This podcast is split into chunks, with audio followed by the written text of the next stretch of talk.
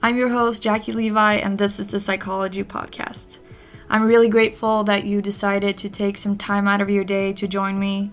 Today, we're going to talk about how to maintain a successful long term relationship. I mean, we're talking about marriages, but how you define your relationship is irrelevant. So, one of my absolute favorite couples of all time will guide us through how they survived each other. I was about to say how they survived 40 years plus of marriage, what to look for in a partner, and they're also going to give us some of the secret ingredients to a successful relationship. So, without further ado, I welcome you to the Psychology Podcast. Let's do this. So I'm gonna ask both of you to introduce yourselves, and you can decide whoever wants to go first. So you know who's going to go first. Yeah. I just said that to be polite. Hi, Jackie. I'm Mike Morocco. And I'm Alexandra Lecter. and this is the Psychology Podcast. So welcome to my two guests. You are both lawyers, Yes. and can you tell me a bit more about who you are and what you do? I'm a family law specialist, and uh, I've been working uh, in my own practice in Beverly Hills for the last 45 years. And I know I look so young, I look like I started in diapers. And for those that don't know, family law sounds nice, but it's really divorcing people. That's Correct. what it means, and being, taking care of their of their custody fights. And I'm a employment lawyer. I used to do a, be a family law lawyer, but I I handle law in the employment arena.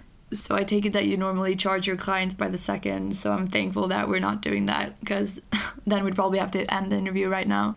But on a more serious note, I'm, I'm really thankful that you wanted to be on the podcast. And I wanted you to be on not only because you both have such long professional experience of different kinds of relationships, really, but mainly because I think that you guys have a, uh, a wonderful relationship, really. I don't know if Looks you- can be deceiving. I don't know if you agree, but Well, I'm, I'm silent on that. There's you can read whatever you want into that. But just to give the listeners a bit of a context, can you tell me about how you met and when you met? okay, we met. Uh, actually, we've known each other for a long time because we went to the same synagogue on the high holidays. My father was a cantor there. In 1973, uh, rab- the rabbi called up and asked and told me he wanted me to go out with this guy who's tall, dark, handsome, not married, and is going to be a lawyer. And I said, "Who Mike? is it?" No, I said, "Who is it?" Tall? and I said, uh, "Who is it?" He says, "Michael Morocco." I said, "Get out of here! I'm not robbing the cradle." At the time, I thought he was two years younger, and the rabbi insisted wouldn't put the phone down until I agreed to go out with him. The rabbi was almost blind when he called, so he, he had no idea what I looked like. But go ahead. no worries, because Alice is also almost blind. That's true. That's true. Oh, at the time, Michael had hair, That's so true. this was deceiving. and uh, when I went out with him, I found out he was three years younger. And for two months of the year, which happened to occur at the time we went out on the first date, he's four years younger than I. Uh, it was very embarrassing. However, the one thing that I really love to do is to laugh. And he had a great sense of humor. He was extremely funny. And he kept me laughing on each of our dates. I like to cry, and she kept me crying the first date, and I, I enjoyed that kind of. So it kind of worked out. but when you met the first time, did you know that? Because people always talk about, like, oh, love at first sight, blah, blah, blah. That's bullshit. Mm-hmm. And in fact, if you say if it's love at first sight, I would be very suspicious that it would be nothing but sexual attraction. And I think sexual attraction is important, but it certainly is not, uh, if that is the only thing that is around, it's not a great basis for a good marriage. That's my opinion. Uh, I think it's shared by many psychologists as well. Uh, however, I will say sexual attraction is important, but definitely not the most important part. So, what would you say is the most important part? Compatibility. Well, what what people should be looking for in a relationship is someone who is kind, who meets their needs, who looks out for them as opposed to looking out for themselves. uh, and uh, someone who you can t- you can tell when the sexual attraction uh, wanes or they become old and decrepit and full of wrinkles and their hair falls out, are you still going to love them? Are you still going to have a relationship with them? Are you still going to enjoy being with them? And you can ask Michael. what attracted me to her? Is that what you want? Is that the question you want me to No. answer? What's Is that what you took out? Yeah, I just all I gathered from what she said was that I'm old, wrinkled, and now she hairless. and, now, yeah, and she's basically got no one else to hang out with, so that's why she's with me. That's what I, I gathered from what she said. That was not the question. No, I think I think I think it really is. Um, what most important thing is communication as to whether you have things in common to talk about, subjects, areas that you're both interested in, and really the ability to to um, uh, give and take. I mean, compromise is really what's really really important. Is this a person that's going to be insistent on my way or the highway, or is the person going to be still strident but be willing to compromise and say okay on this point i don't necessarily agree with you but you know it's not that important and we you know i'll, I'll i can i can understand your position and we'll move on. Also another thing that's important i think is that everyone has differences uh, in their relationships and their feelings and they all people get into arguments. But you you can't keep that anger for too long. You can you have to be able to to compartmentalize your feelings and then do your best to to either dismiss it totally or just put it way way back in your psyche. If you can't do that, and you're you know the odds of staying married for a long time are not are not great. So, you know, I think I definitely I think have that ability. I don't think she has that ability. so I must have a real. one person has Uh, it? that's the problem. I think if one person has it has a real good capacity to do that, it can compensate for the other person lacking in that in that ability. So I, the answer is, I think you can. You ideally both should do that, and uh, I think she does. Uh, I think I have a better capacity to do that, but uh, it works. You ha- you have to be able to compromise and be able to for- forget things that happen, and move on. as Michael said, you have to be able to compromise and you have to be able to communicate and you have to be able to cooperate. Those are the three C's I've always said are very important to a good marriage. And when you have those three and you also have an ability to laugh and to make light of things instead of having everything turn out to be a major drama, I think that makes for a good marriage. Do you need to put in constant work? Always.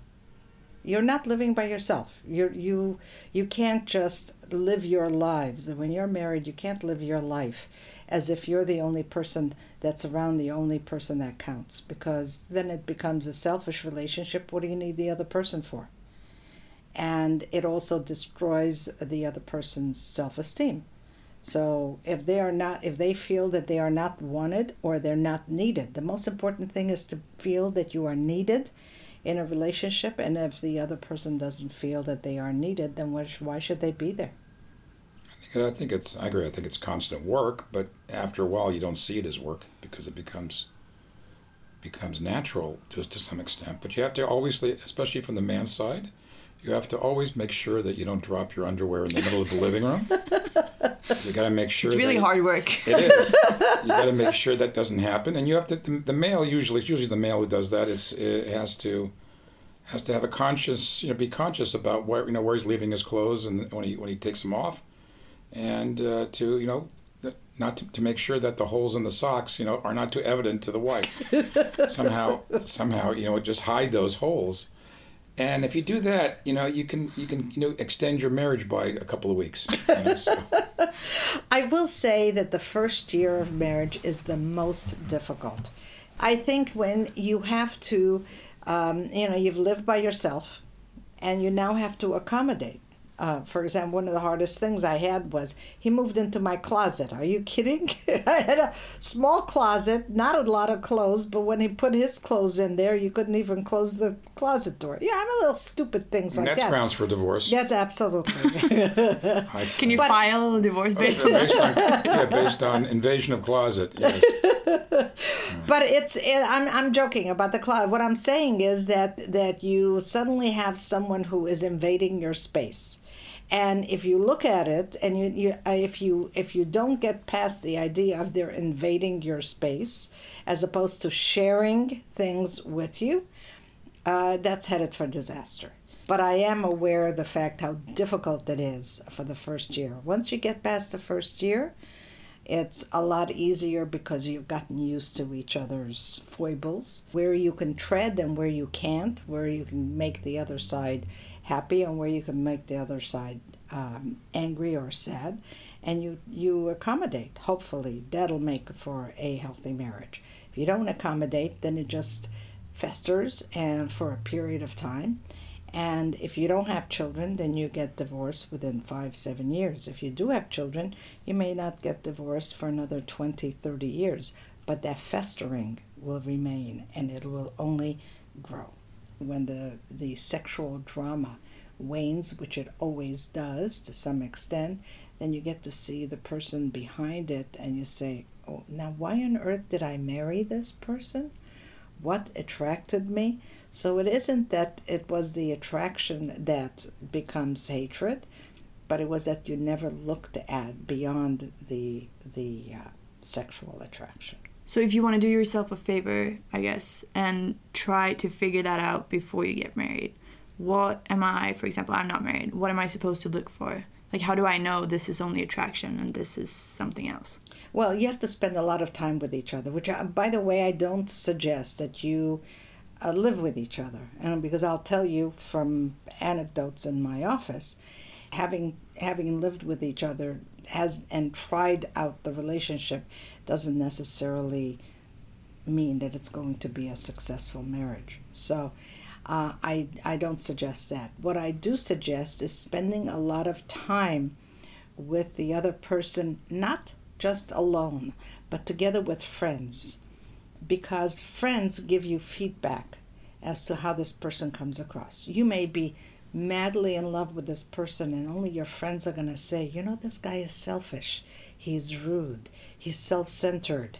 I notice that he doesn't bring you things, that you bring things, and you fawn all over him, but he does not fawn all over you. So that's a one sided relationship. And your friends could give you a pretty, if they are honest and you'd like your friends to be that way, that'll give you an excellent feedback to whether this is something that is a, a person that with whom you can go beyond the sexual attraction. Well, and, and Alice gave me another clue a long time ago that she noticed in in uh, and I did too when I did divorce works to some extent. In her practice on divorcing when you know when your client fa- uh, asks you to, to file for divorce you're entitled to see the tax returns. At least in America the people file tax returns.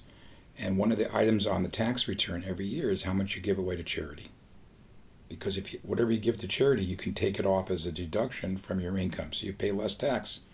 And the observation is that someone uh, someone who gives a, a, a, fair amount to charity is more likely to be generous and kind and considerate. Not all the time obviously. So that's an indication of somebody who cares for others. You care for the sick you give it to whatever you, whether you give it to to a, a hospital or you give it to a, a church or whatever you're giving it to others you're giving away something that's a that's a good sign that that that that, that person is might be very very kind which is good to know before you get married because most people want to marry somebody who's considerate and kind and generous to I others. would think to others to third parties who they don't even know because if you're if you're considerate to somebody you don't even know more likely than not you'll be considered to somebody you love mm-hmm. or you or you're living with you're not going to be mean to that person and, and nice to somebody else so that's you know that's you asked a question. What do you know? What's good to know? It'd be nice to just observe. You don't have to look at the tax return, but to observe how this person treats when somebody walks, you're going out on a date after the third or fourth or fifth date, and you're walking on the street, and there's some homeless person. Does the, does your boyfriend or girlfriend stop and and reach into their pocket and give them a, give a few dollar give a dollar or a few cents to that person? The very act of stopping and empathizing with someone who is not as well off as you gives you a sign that this is a kind person. But a lot of the things that you guys are talking about sounds to me as if they're like personality traits. That's right. That so even though if you're with someone and I mean a person can change to some extent, but then you know how much can you what's it called? Um you can't change your personality. That's in your DNA. You can eh, you you'll see when you have kids that you can move them in various directions and show them empathy and show them how to play and share. Uh, but there are, you know, there are a lot of things that are ingrained in your personality that really cannot be changed. You can just hope to, uh, you can't negate a really negative personality. You can you can try to channel it in a positive way but um, when you're looking for a mate, you don't look for someone who is a sociopath or a psychopath. Or a narcissist. Yeah, that's right. So, you know, if you come across that, you know, go run the other direction. I don't care how great they are in bed. They're not worth keeping because eventually it's going to be a major disaster because they don't compromise, they don't share, they don't communicate, and they don't cooperate. Mm-hmm. That's the bottom line. I feel kind of pessimistic when I look at the divorce statistics, both in Sweden. I don't know what they are here. It's 67% in California, 50% in the United States. Okay, so how can you even justify getting married? Like, why would you get married if these are the odds? Well, it's because it's the triumph of hope over experience. Well, you can always be on the other side of the 67%. You know? there is a 33%, right?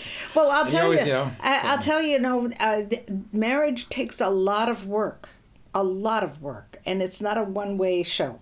It's not the other the other person has to do all the work, or maybe you'll do five percent, they do ninety five percent. That's not cooperation if you don't put in your share, it's eventually going to fall apart unless the other person has an extreme capacity for tolerance, and that's not the case nowadays. Which is why the divorces happen and why such a a large percentage of divorces. People don't work at their marriages. And marriage takes a lot of work on both sides. I didn't see you sweat too much on the work on this one.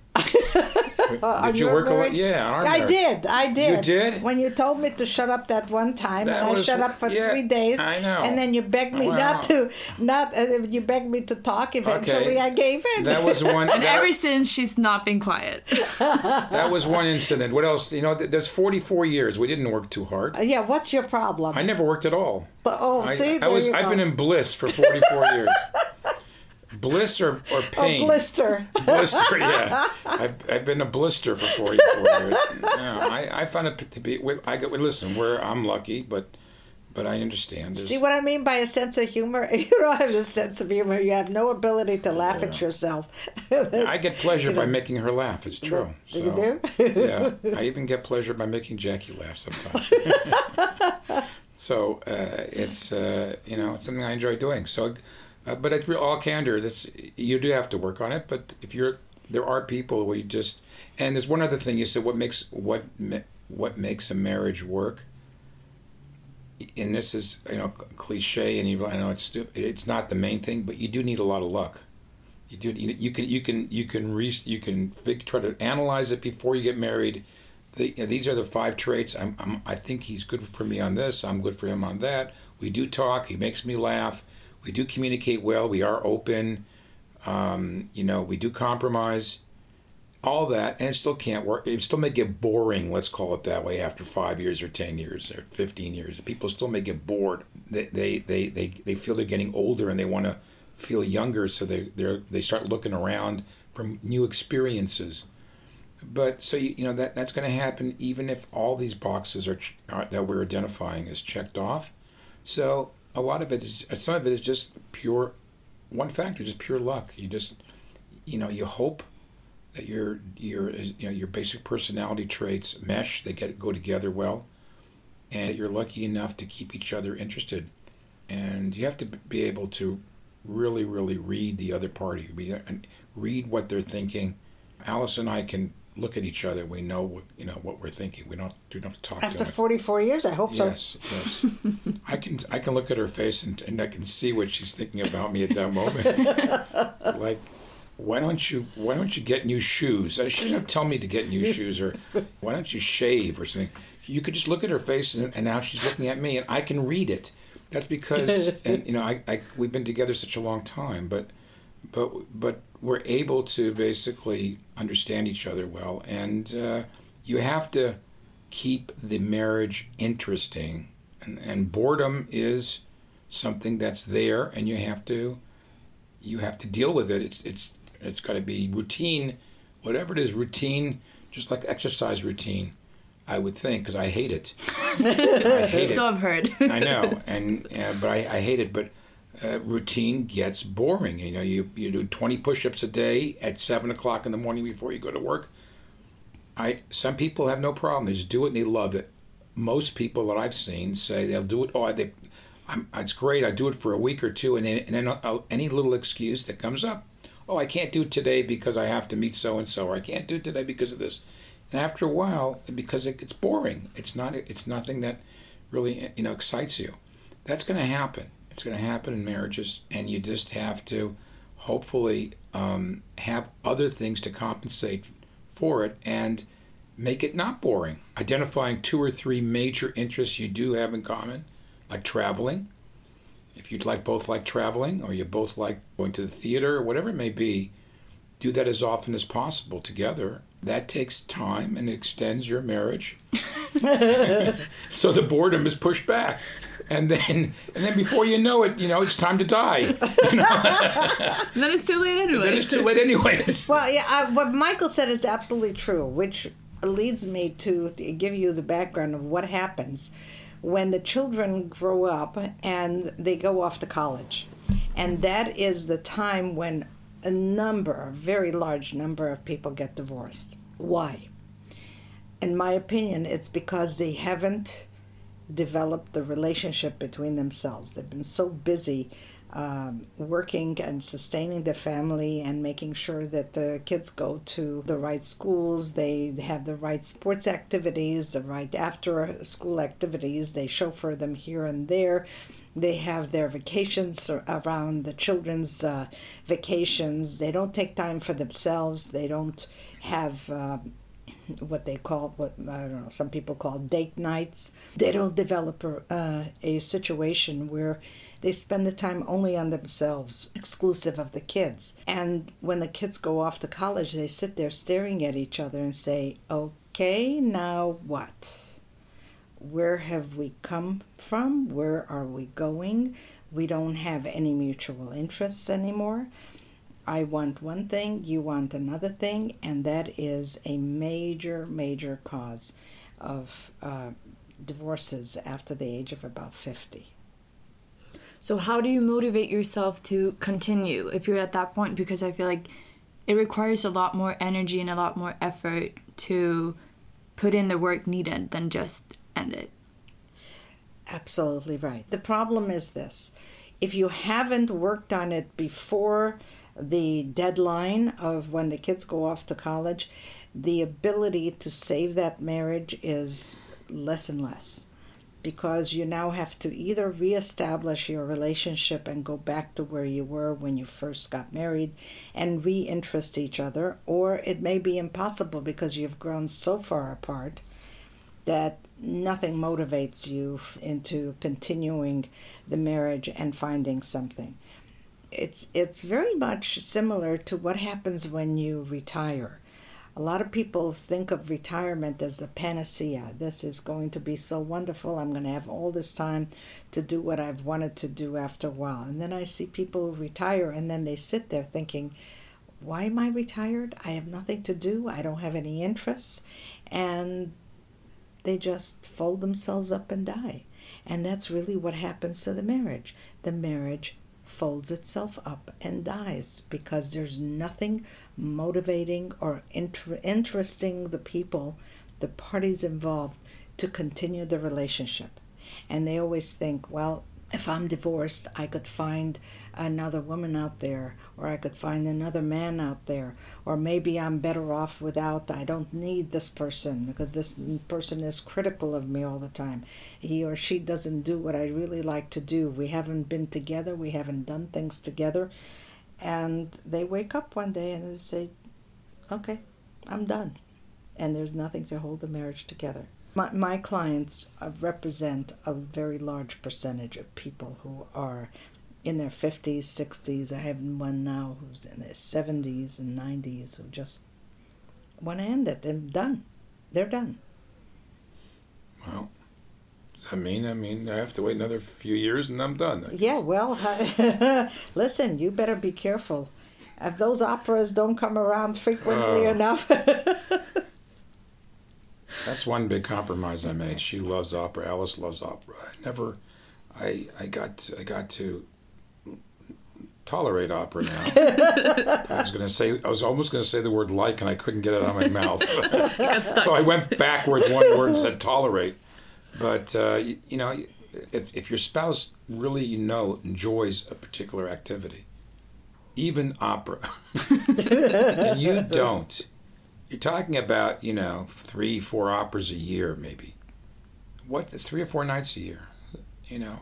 If the majority of other things about your spouse are are are enjoyable and and and you're attracted to her for those or other reasons and want to be with her but you rather not be there those three or four nights when you go to the opera. You weigh that and you say you know what what's the big deal? So you go three or four nights out of the 365 days, you go to the opera. And then you get a lot of brownie points from that. On the other hand, when we first got married and he found out I was crazy about opera, and he told me he really loved baseball, and I didn't know anything about baseball. I said, okay, I'll tell you what, we'll go to one opera, and you'll come with me with one opera, and I'll go with you to one baseball game, and we'll alternate.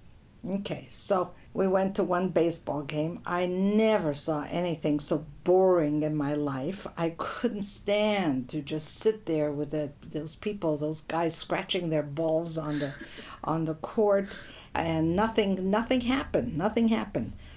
So we got out. I said, you know what? The compromise is over. I said, You don't have to come to an opera. I'm very happy going by myself. But I'm never going to another baseball game again. Have you gone ever since? Nope. No, she won't go. Nope, I won't go. So there goes, you know, first thing we said was the three C's, right? Compromise. She talks out of two sides of her mouth. Yes, but I did say to him. communication. But wait a second. I did say to him, You do not have to come to an opera. It's his choice to go. Yeah, It doesn't matter. yeah. I, I can go myself. But in the meantime, he lies because he does enjoy a lot of the opera. He takes the, you know, for my. I wish you could see the look he's giving her right now.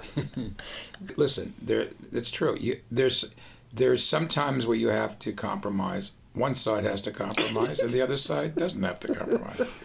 Or there, there there are certain promises. I'll call them, you know, mini promises, not major items, that one side makes to the other, or, or agreements, and they break that agreement. But if overall you don't get, you have to just kind of like let the, let it rub off of you. If you're said, well, you told me you're going to go to the baseball game with me, and now now I have to, you know, you never go. It's not a big deal, you know. I mean, just just prioritize what's important in your life. You know, your kids are important. Your your obviously, if you're going to have kids, not have kids, how you raise your kids, that's a really important thing, and you have to be in agreement on that. And then if you're going to have kids, you really should have a discussion before you have kids about just generally, you know, your philosophy about raising kids, and that's one where you you know you can compromise. You have to compromise on that also as a kid as a child after the child's born, but major major items issues those things have to be discussed in advance because it really really causes a lot of friction not only with with the kid one as the kid's growing up but more importantly between the two spouses so there are some things you really have to have discussions about um, you have to be open kind of most of the time And This is why it's easy to cooperate with you. yeah, with me. Most people are not like me. I understand that because I, I bend more than 50% of the time. But I don't know about that. you now you don't. just ruined people's ears. No, it is true. He's he is very very easy Yeah. to live with.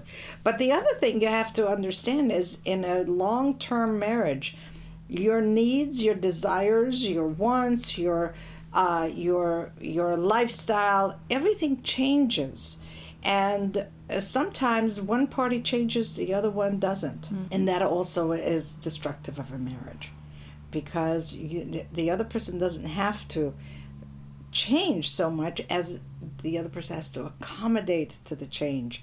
And sometimes, and I've seen in a lot of divorces, one person moved on in the life cycle, and the other one just stuck where they were in their 20s when they first got married and wasn't moving or wasn't accommodating and wasn't understanding and wasn't growing. The lack of growth in a relationship and in a personality is also very devastating to a marriage. Hmm. I feel like females are more willing to accommodate. Because they were taught that way. They are taught from birth that their role in life is to accommodate to another person. Compromise is in the vocabulary of almost every girl ever raised. Compromise is taught in business school to men and only on a very limited level. And that's why you're seeing that difference. So, how do you compromise with someone who, on average, hasn't even learned the skill? You throw them out. it's very, very difficult. It, it can be done, but if you expect to change a person after you get married, if you there are things that you don't like about a person, I've heard this over and over again. Oh, I don't like this about him, but I know I'm going to change him. Bullshit. You're not going to change another person. You couldn't change them when they were six years old. How are you going to change them when they're 26? It doesn't happen. Not because of your uh, the, uh, capturing your love, but because they just simply are not. That is not in their DNA, and it wasn't fostered when they were little, and it's not going to be fostered just because they are madly, passionately in love with you. So, no, if they are not the type of person who does that, you're never, ever going to train them. You may want to live with them anyway. I, I see a lot of people who don't get divorced and they have no problem accommodating to an asshole. And you, you know, you're out with them. You know, Mike and I go out with other couples all the time, and we are, we notice that one of the couples are intolerable, and we don't, and the other one is just wonderful and is always giving in and is always quiet when the uh, you know boisterous mate who doesn't uh, pay attention to anyone else's needs and is very obnoxious um, speaks up and they just become very quiet and meek and they just look up at them after I don't know how many years of marriage and you think to yourself why the hell are you sticking with this schmuck because that's in their DNA. But do you think a lot of people stay with each other just because they're afraid to be alone? oh that happens Yeah, I think so. But I think it's less and less in this day and age because there's so many distractions, so many friends, so many, especially women have a lot of friends. Women are far more capable of being self-sustaining. Men are a lot different, at least in the United States. They tend to, uh, they may have friends, although they are likely to have a lot fewer friends than women. And when they have friends, they go out to baseball games, football games. They discuss what's on TV. They discuss uh, the tennis uh, tournament, but they don't discuss their problems. They don't discuss psychological issues. They don't discuss their wives. Why? Um, they are not taught to communicate that way. They are taught from very, very early on to uh, be strong and to not worry about getting hurt and to talk about what the you know the, what their sports things are and so as they grow up they may have a lot of they may have friends male friends but none with whom they communicate their feelings Also, you'll find that men are less likely to go to psychologists than women. They don't they are not taught to be open with their feelings. They're not taught to communicate about their feelings. So what happens when they are left spouseless? They have nowhere to turn. They'll go turn to another woman and a younger woman who's attractive, who they're sexually attracted to, but that does not foster a, a good uh, symbiotic relationship between men and women. Maybe worthwhile trying once or twice. Okay, go right ahead. Let me know how it works out. So, keep on talking. It sounds appealing. No, but you're coming back to the to the fact that communication is important. yes. Although women are taught to be more verbal, whereas men. I mean, this is a huge generalization, so Yes. don't give me shit on this. no, I agree with you. It is a huge Uh, Yeah. generalization. And there are some men who are very sensitive and who are able to communicate their feelings, but that's a very small minority. Yeah, and they usually show their feelings through actions instead. Yes. Or they stonewall you, or they turn to something else. Correct. So, how would you prevent that, I guess, from happening? Well, I don't. uh, Well, you prevent that in your own children uh, by treating the boys and the girls equally, the same way, and ask and uh, insisting that they communicate when they get hurt on the on the uh, in the park on the slide for example you don't just say to the boy oh you're a boy you don't are you not supposed to cry. Whereas with a girl you cuddle and you kiss and you hug and you kiss the boo boo and and then that's fine. You don't do that with the boys. That shouldn't be the way in which you raise children. I, they should both be equally. You, you're supposed to be empathetic and show empathy um, to both of them equally. Because when you show them empathy they learn to empathize with themselves and with others. Now assume for the moment that that didn't happen and these guys were uh, grew up to be macho men and they don't need anybody else i think uh, you have to be very careful when you marry someone like that that you can train them to the extent possible to look out for your needs. This is this is where it comes back to are they capable of understanding you and your needs? And are they able to empathize with that? The empathization is very important. So you train the men. You train the husbands. Great. now you know it's funny we've been talking both in terms of of uh, heterosexual couples but it works exactly the same way in homosexual couples. So i, I don't want to be uh, to sound like uh, this is a one-way situation I'm trying to gather my thoughts here. okay Where do I go from here? Um, I have a theory that I want to try on you guys. okay in our society today, we're used to trying to maximize everything. We want the best job, we want the best partner, we want the best whatever, instead of just satisfying those needs. So, do, do you understand me? no Do you understand me? A little bit. I mean, you're saying where we where everyone should everyone wants to get the the best possible outcome as opposed to just meeting a certain need. Exactly. Okay. Do you think that that could be a reason as to why people get more divorces now, other than the fact that women are not dependent on men anymore? oh i don't think that they are more divorces because women are not dependent on men No? No, I don't think that that's the cause. I Really? really don't. Nope, nope, nope, nope, nope. I don't. Why? Because I I don't see uh, that economic independence is the cause of a higher divorce rate. The ability to have um, no fault divorce, I think, has helped What does that fuel. No fault divorce means you cannot tell the court the reason why you're getting a divorce. You just want a divorce and end of discussion. You don't have to prove that You don't have the to other prove side the did other something side- wrong. You know Right. that that the other side had, that the my, my wife or my husband had an affair. That oh they did. Then you get a divorce. If but if everything was just that you're not getting along to with each other is not some a lot of countries say well that's just keep on trying. You can't get a divorce unless there's a fault. Mm. Somebody's wrong in the marriage.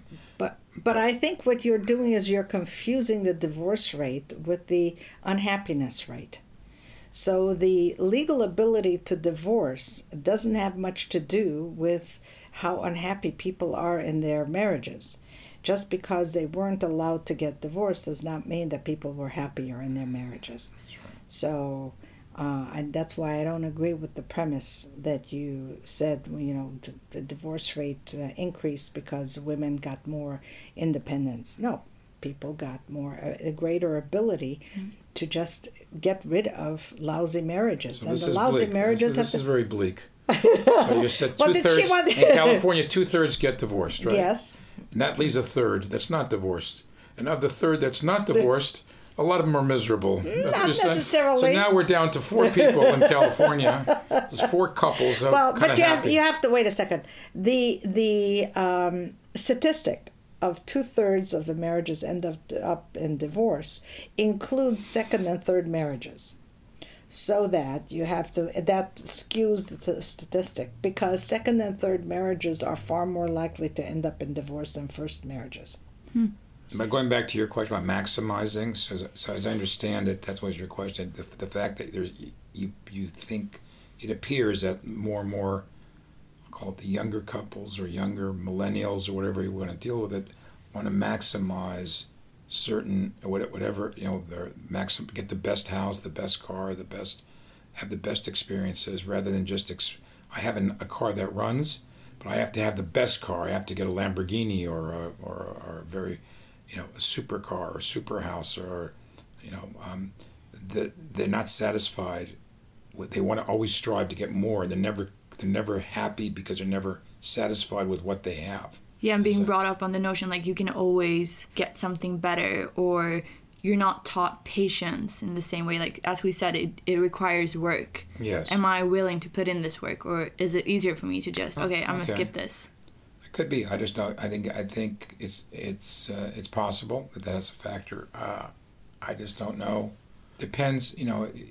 Again, I think it just depends on your one's going back to one's basic personality. If you're, you know, seeing that you can survive economically, emotionally, in a, at a place where you're thankful for what you have. If you're not ability to give th- you know thanks to what you're able to have accomplished, whether it's to your parents for giving you an education, and therefore now I don't need their help financially, so I can live, I can rent an apartment, I can buy my own food, I can have a, a, a decent car, and I don't need their help anymore, and I'm happy with that that that situation. If that is difficult for you to to to, to satisfy you, I can see where you're never going to be. You know, it's going to you're going to be very difficult to be happy. If you're not happy with that, then how can you be happy? There's more pressure when you get a spouse involved because you now you have more economic pressures, you have other pressures. So it may make it more difficult if you have that. But that goes back to your basic personality, I think. I'm not sure if that changed much because of um, what's happened. there is such a, at least in the United States there's now such a huge difference between those that have and they have a lot which is the 1% and the balance who have very little or have nothing we have a very large homeless population now they're not uh, you know they can't even afford to go to the divorce court to get divorced although you can get wa- fee waivers but I don't think that the issue of how much you can, uh, uh, your economic needs are going to be satisfied is Not such only a huge. economic needs though. What did you mean? I mean, it could be like, oh, I can get someone who's more beautiful, or I can get something with a higher status, or it doesn't have to do. Ah, well, you know that goes back to what type of a personality you're marrying. You know that that gives you that whole uh, strata of what it is that you're looking for. Are you looking for someone who is going to be invested in you alone, or are you looking for someone who is very interesting and sexy, but who is who doesn't think that uh, having you as the only spouse or the only romantic partner is very important. Uh, to, they're always out there looking for someone else and for something else, in which case you should go run the other direction. I don't care how sexy, how wonderful that other person is.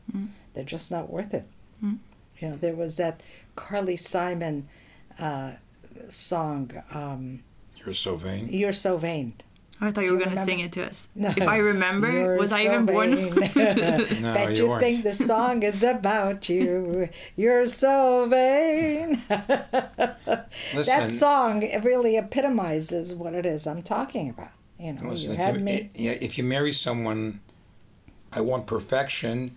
and what- what- superficial needs. Yeah, that's right. Perfection. And the, what is perfection? Perfection is, if it's just looks, it's not going to be there. All you got to do is look at a picture of your parents, and you see how it was before and Look at the picture Before of and after parents. you were born. No, look, that's right. Look at the picture. Look, look at the marriage pictures when your parents got married, and look at them now when you're looking at the mirror. You're looking at them before the, the wedding day that you're going to get married. They're not the same. So that's how it's going to be, if not worse. Beautiful face is not half as important as a beautiful mind. Well, I got lucky. I got a beautiful face and a beautiful mind. Yeah, I got. I got And the both. beautiful face faded, and the mind is going. And the heart, I don't know. the heart. The heart was never there. She never had you a heart. She never had a Lawyers don't have any hearts. She never had a heart. That's why she's a good lawyer. I just feel like our society, I know that we're from different generations, but our society fosters an environment where it's hard to not be happy, but be content and then settle.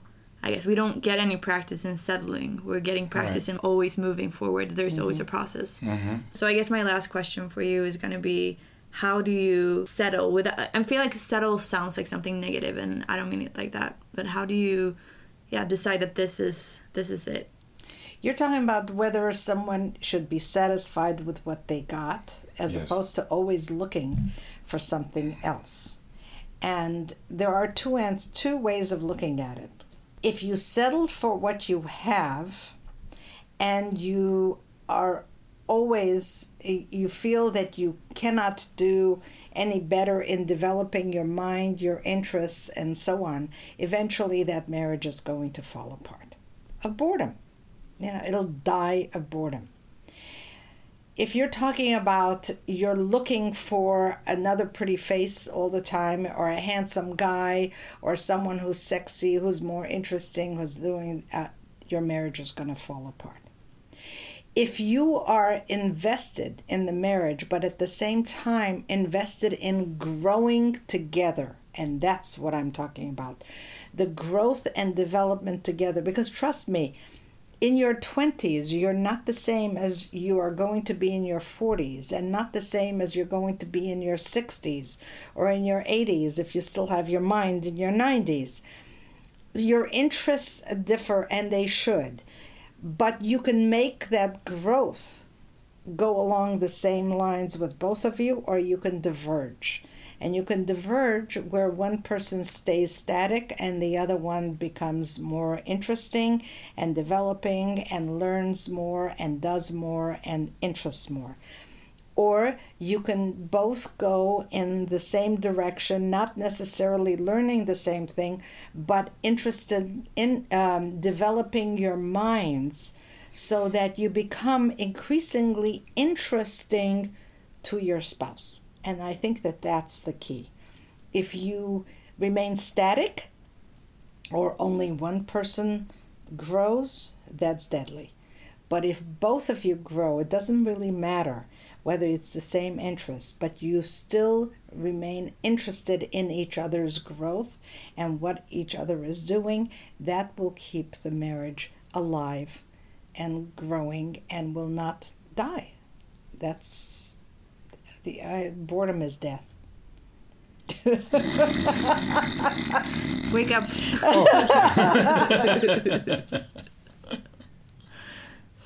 No, I mean I agree with her, and I, I, I, I, for some reason when you talk about about you know, not being able to get ahead or, or maximizing, I, I don't know why I, I always in my mind I go to the economic part of it. That it's not where you're coming from, but I know.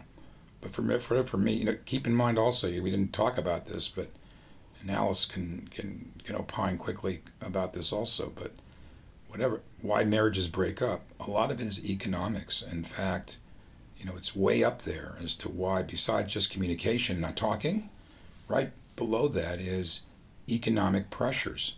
For whatever reason causes them, one person wants a nicer house, one person lost their job and there's pressure. There's a, economics, money, budgets, spending too much money, being in debt, causes tremendous pressure in a marriage, tremendous. And and you know you have friends, and the and your friends can live in a certain can buy a, a house, and you don't have the money for a house. Why don't you have the money for like, or they have a job that pays a little more, and you can't get a similar job. Those kind of discussions between the spouse and, and all that is you know happens a lot, and there's a lot of just pure dollars and cents, pure living living allowances and things like that. Uh, the standard of living is a major, major reason why why marriages just fall apart. We used to say, when poverty walks in the door, a marriage walks out the window. But it doesn't have to be. Right. Because poverty can happen anytime. A lot of people feel that, especially men, where you have a relationship where the man is the breadwinner and the woman takes care of the children, he feels that he has uh, lost his wife's respect because he lost his job and he lost his money and so on. And that's spiraling downhill instead of having the two of them face the fact that, you know what, we don't have any money let's see how we can work this together so that we can work our way up it's it's your relationship to money and how you look at whether the money defines who you are whether your success your financial success defines who you are and whether that financial success defines who you are in your spouse's name in mm. your spouse's eyes marriages that fall apart because of poverty and drugs and alcohol and spousal abuse uh, started out with a bad relationship to begin with.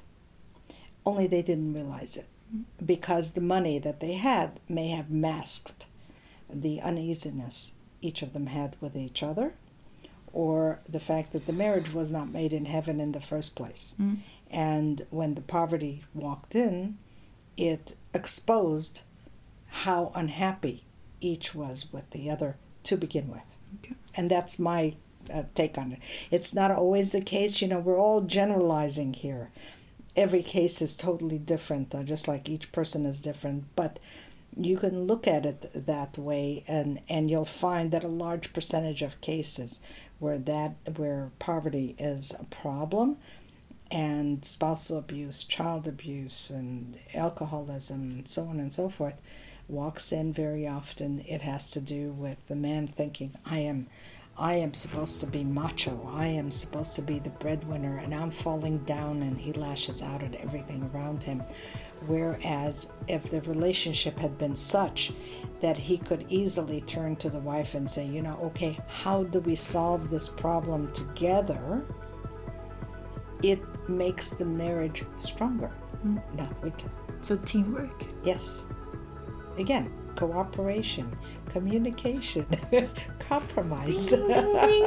The three C's. The three C's. It always comes back to that, doesn't it? okay, thank you so much for being with me today. It was our pleasure. Our pleasure. Anytime you call us.